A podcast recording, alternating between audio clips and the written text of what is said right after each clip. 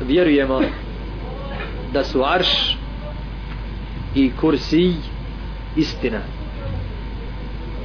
kao što Kur'an navodi i jedno i drugo Zul aršil međid fa'alul lima yurid sura Buruđ 15. i 16. ajet gospodar arša časnog koji čini šta hoće. Fa'alul lima yurid.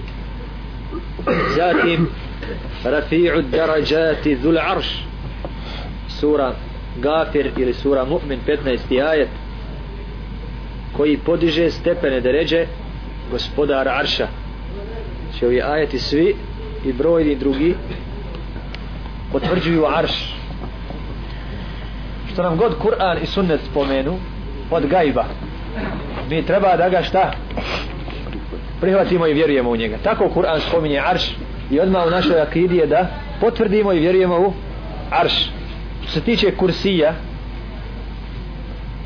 i njega spominje uzvišeni u suri Bekara ajeti kursi zato se i zove ajeti kursi. 255 vesi'a kursijuhu samavati wal ard njegov kursi obuhvata nebesa i zemlju. Sura Bekara 255. ajet. Arš je krov iznad svih stvorenja. Krov. Krov iznad svih stvorenja.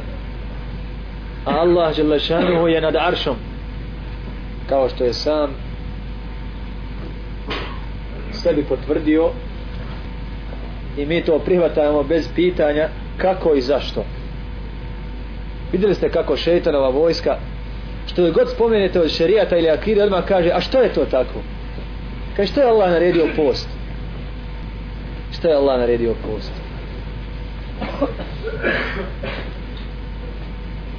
Ili što vi vjerujete u to i tako dalje? Što? Mi smo naučili od prvih lekcija akide je tako? Da što je god Allah tabaraka wa ta'ala učinio i odredio ne pita se. Ta'alu lima yurid. Čini šta god hoće. La yus'alu amma yaf'alu wa hum yus'alun. Ne pita se za ono što radi a oni će biti pitani. Kursi je mjesto Allahovi stopala i obuhvata nebesa i zemlju. Sad malo ko nam se iman poveća. Kursi mjesto Allahovi stopala. Kursi obuhvata nebesa i zemlju. A kursi je u odnosu na arš. Kursi je u odnosu na arš kao jedna gvozdena halka koja se baci kao jedna gvozdena halka koja se baci na brda zemlje na, nje, na njene masive. Takav je odnos arša i kursija. Šta je onda zemlja? Šta je onda čovjek na zemlji? I šta je onda on na tom, tom svom jednom roku od 10, 20, 30, 50, 60, 100 godina koji živi. I kolika je Allahova veličina? I koliko je čovjek počašćen kad može toj veličini da pane na seđdu i obrati se kao rob. I obrati se kao rob.